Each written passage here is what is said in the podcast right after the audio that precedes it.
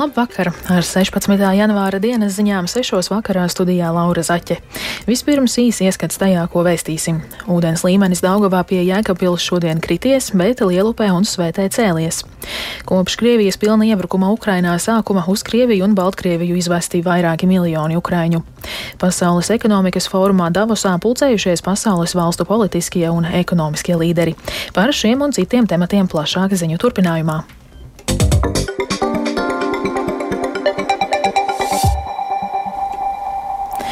Pēc saspringtas nedēļas nogales šodien plūdu skartajā Jēkabpilī situācija normalizējusies.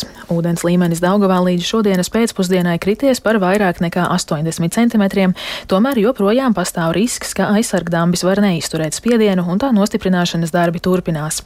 Iedzīvotājiem, kuri evakuēti no Daugavas kreisā krasta, jopor, joprojām jāpaliek pagaidu mītnēs.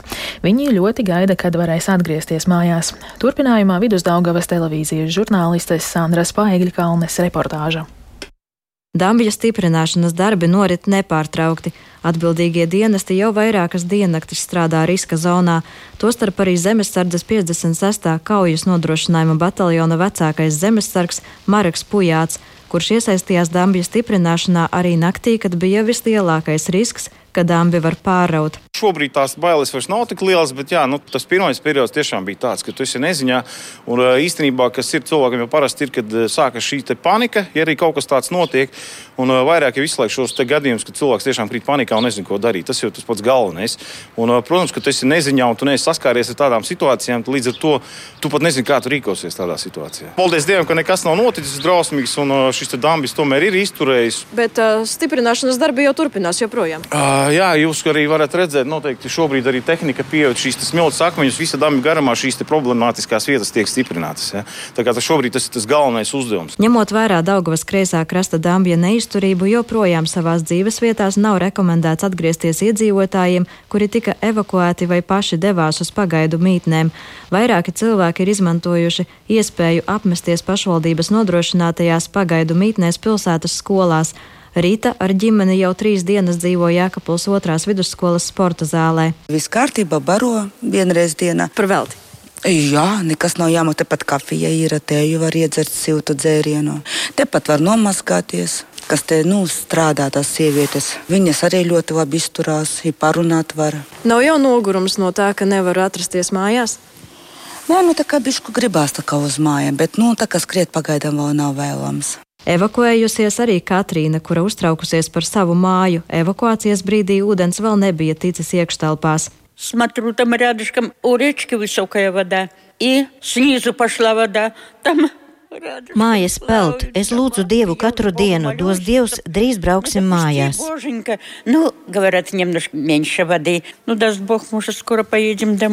Ņemot vērā bīstamību Daugavas kreisā krasta iedzīvotājiem vēl jāsamierinās ar dzīvi pagaidu mitekļos, savukārt Daugavas labajā krastā situācija ir uzlabojusies, tādēļ Jēkabils novada pašvaldība šodien atļāvusi labā krasta iedzīvotājiem atgriezties mājās. Sandra Pēgiļkalne, speciāli Latvijas radio Latgales studijai. Jēkabpils reģionālā slimnīca šodien pilnā mērā atsākusi savu darbu.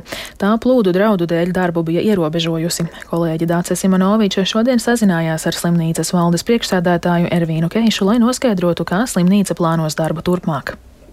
Slimnīca sāk darbu pilnā apjomā no 2012. Tas gan nenozīmē, ka mēs strādājam ierastajā gaitā, mēs joprojām saglabājam šo te gatavības rēģēšanas režīmu, paļaujoties, ka iestājoties zināmiem apstākļiem mums var būt grūtības turpināt darbu, tāpēc šobrīd ļoti, ļoti uzmanīgi monitorējam šos te e, ļoti augstas prioritātes un augstas prioritātes pacientus, tātad pacientus, kuri nespēja pārvietoties paši vai kuriem ir jānodrošina šis te noteikti aprūpes procesu līmenis un nepārtrautība. Tas nozīmē vienkārši, ka šo šobrīd kopā jau saziņā ar uh, atbildīgajiem dienestiem mēs šo te konkrēto pacientu grupu skaitu ļoti uzmanīgi monitorēsim un mēģināsim nepieļaut, lai slimnīcā šo te pacientu skaitu nekontrolēti pieaug. Tas, tas nozīmē, ka jūs skatīsieties, kurus pacientus uzņemt, kurus nē, tas attiecas arī uz plānveida pacientiem? Nē, šobrīd faktiski mēs neierobežam šo te uzņemumu pacientu grupas. Tas nozīmē vienkārši, ka mēs monitorēsim, lai šis te pacientu īpatsvars nepārsniedz kaut kādu saprātīgu robežu, kas mums apgrūtinātu tālāku darbu un radītu kaut kādus nepamatotus riskus. Pirms šīs eh, smagās nedēļas nogales jūs arī evakuējāt desmitiem pacientu, tie tika pārvest uz stacionāriem Rēzaknē, Daugopilī un aizkrauklē. Kas notiks ar šiem pacientiem? Viņi paliks tajās slimnīcās vai jūs vedīsiet atpakaļ pie sevis? Mēs šo jautājumu vēl vērtējam. Ir jāsaprot, ka šis te pārvietoto pacientu skaits bija diezgan ievērojams. Apmēram 48 pacienti, ko tikai NMPD pārveda. Ņemot atpakaļ strauji šos te pacientus, es pieļauju, ka dienestiem tas varētu būt papildus sloks, jo, nu, visi šie pacienti ir jāpārved ar specializētiem transporta līdzekļiem un uh, tāda vienkārši viņa nogādāšana atpakaļ slimnīcā nav iespējama. Šo jautājumu mēs vēl joprojām vērtējam. Kā jums ir ar nodrošinājumu slimnīcai vai nav traucēta ūdens apgāde vai varbūt uh, kādu slimnīcas iekārtu darbība saistībā ar elektrības uh, iztrūkumu nedēļas nogalē? Šobrīd mēs esam nodrošinājuši diezgan lielu autonomiju slimnīcas infrastruktūrai, līdz ar to nekāda traucējuma nav novērota. Lielupē un Svētē ūdens līmenis cēlies. Pēdējās diennakts laikā ūdens līmenis Lielupē paaugstinājies par 26 cm, sasniedzot 1,73 metrus virs nulles atzīmes, bet Svētes upē ūdens līmenis kāpjas par 19 cm, sasniedzot 1,47 metru atzīmi. Ūdens līmenim Lielupē paaugstinoties iespējama zemāko vietu aplūšana pie Jelgavas. Joprojām visā Latvijā ir spēkā dzeltenais brīdinājums par augstu ūdens līmeni upēs, un daudz vieta jau ir aplūdušas upju palienes un un zemākās vietas.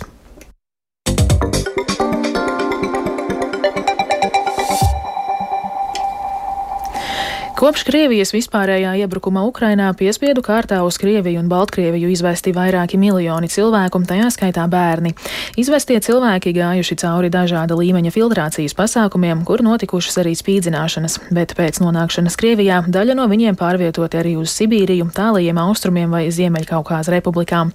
Tā šodien Kijivā vēstīja cilvēktiesību eksperti, publiskojot ziņojumu par Ukraiņu deportācijām no aktīvās kara darbības un īslaicīgi okupētajām teritorijām. Preses konferencē klāta bija arī Latvijas radio korespondente Kijivā Indra Sprānce. Pagājušā gada pavasarī, februāra beigas, marts, tā bija Kīvas pievārte, arī Černihivas apgabals un apkaim. Pēc tam uh, ilgāku laiku arī Harkivas, um, Zaporīžies, Donetskas, Luhanskas, uh, Hersons un citi reģioni.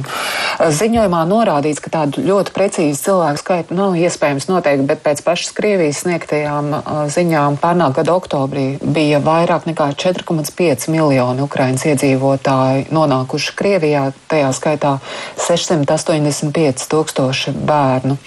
Un uh, liela daļa no šiem cilvēkiem, uh, kas ir uh, šā vai tā, ir bijuši spiesti doties uz Krieviju, ir izgājuši dažādas pakāpes filtrācijas, ziņojumā arī diezgan detalizēti ir aprakstīts, kādas viņas bija, kad vieglākais variants, kad, kad vienkārši nopratināja, pārbaudīja tur uh, lika izģērbties un, uh, un pārbaudīja, vai nav kaut kāda tetovējuma. Tad uh, smagāks jau, kad cilvēkam ir jāuzturas uh, nometnē, un kur tas jau bija ilgāk, un kur bija jau tās pratināšanas arī smagākas, uh, tajā skaitā ar, ar spīdzināšanu, elektriskām ierīcēm un, un bijušas liecības uh, arī par slepkavībām. Un, um, Pērnā gada augustā identificēta 21 šāda filtrācijas nometne un, uh, un sistemātiskas liecības par, gan par uh, fizisku vardarbību, gan arī par uh, psiholoģisku, piemēram, sievietēm, uh, kuru tuvinieki kaut kā saistīti ar militāro jomu,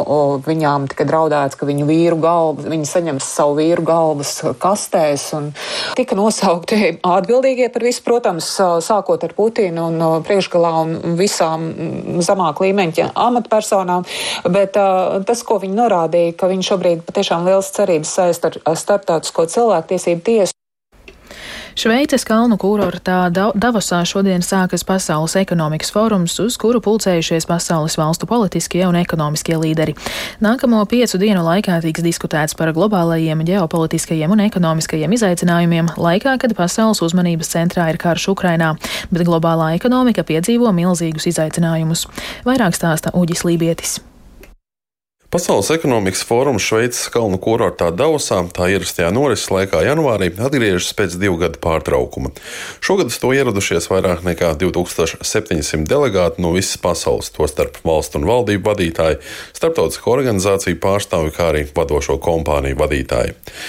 Šī gada fóruma galvenā tēma ir sadarbība fragmentētajā pasaulē. Taču tiek prognozēts, ka arī šogad pasaules uzmanības centrā būs diskusijas par Krievijas uzsākto karu Ukrainā un tā radītajām sekām pārējai pasaulē. Gan energoresursu cenu kāpumu, gan augsto inflāciju un pieaugušo dzīves dārdzību. Turklāt no dienas kārtības nav pazuduši arī jautājumi par klimata pārmaiņām, kā arī diskusijas par kriptovalūtu nākotni. Tās kļuvušas īpaši aktuālas pēc straujās kriptovalūtu vērtības krituma un kriptovalūtas biežas FTX bankrota pagājušajā gadā. Kā norādīja kompānija Bloomberg, tradicionāli Davosa gan ir vieta, kur īpaši bagātie nopietni spriež par nākotnes izaicinājumiem un risinājumiem, taču reti kad solījumi un vienošanās rezultējas reālos ieguldījumos un reālā naudā. Kā izteicies Pasaules ekonomikas fóruma izpilddirektors Alojas Cvings, šogad pasaule saskaras ar vairāku gadu desmit laikā lielākajiem izaicinājumiem. Viņš arī noraidīs apgalvojumus, ka Pasaules ekonomikas fórums tikai izliekas, ka veicina ilgtspēju. Nach den zwei Jahren von Pandemie, aber auch de, des Ukraine-Krieges. Divus gadus pēc pandēmijas un saskaroties ar Ukrainas kara radīto ietekmi, mēs redzam milzīgus izaicinājumus, kurus rada augstā inflācija un zemie izaugsmes rādītāji. Dažviet valstis jau ir nonākušas recesijā, un visbeidzot mēs redzam arī milzīgus parādu līmeņus, kas ir tiešs rezultāts cīņai ar pandēmiju. Runājot par ilgspēju, man uz to ir citāds skatījums. Es uzskatu, ka privātais sektors beidzot ir sācis saprast, ka šis jautājums ir jāuztver nopietni, jo no tā ir atkarīga kompāniju izdzīvošana ilgtermiņā. Turklāt, lai izvairītos no preču boikota, ir jādomā arī par klientiem, kuri sagaida, ka šis jautājums tiks uztverts nopietni. Uh, boikots uh, führen. Vēl viena fóruma izpildirektore Sādija Sahidi norāda, ka pasaule pašlaik atrodas polikrīzes priekšā, jo vienlaikus notiek tik daudz lietu. Pēc viņas vārdiem, pasaules valsts līderi šādam krīzes brīdim nav gatavi. Dažādu iemeslu dēļ uz Davosu nav ieradušies vairāku ietekmīgo valstu līderi. Tā piemēram, G7 valstu grupu pārstāv tikai Vācijas kanclers Olafs Šolts. Arī ASV un Ķīna ir pārstāvēts daudz zemākā, nevis valstu vadītāja līmenī.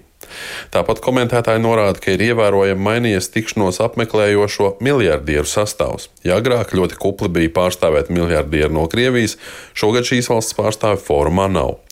Taču Krievu miljardierus ir aizstājis liels skaits turīgi cilvēku no tuvajiem austrumiem, kur pieejami ievērojami enerģijas resursi un kuru tirgotāji tiek uzskatīti par ļoti stabiliem un uzticamiem. Uģis Lībijams, Latvijas Radio.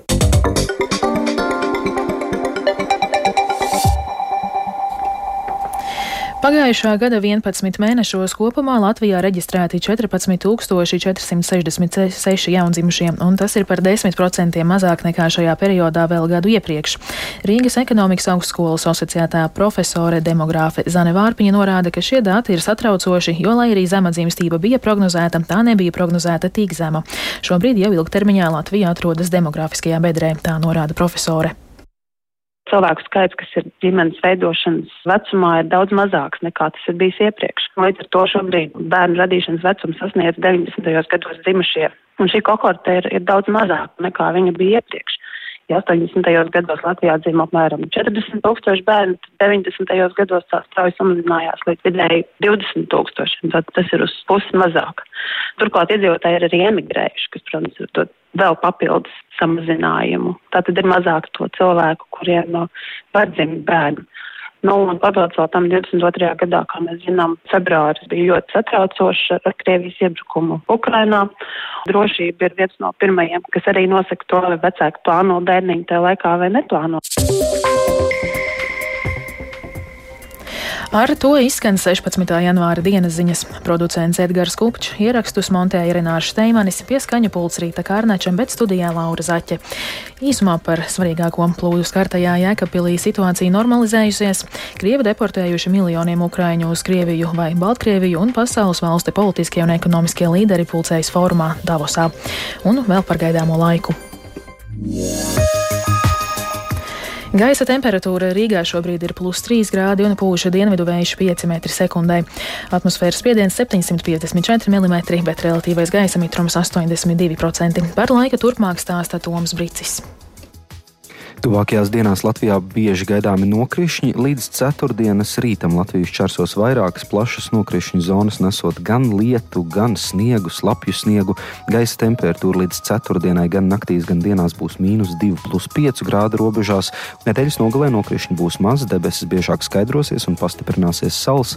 Temperatūra naktīs lielākoties 0,7 grādi piekrastē līdz plus 2 grādiem, dienās no mīnus 3 līdz plus 3 grādiem.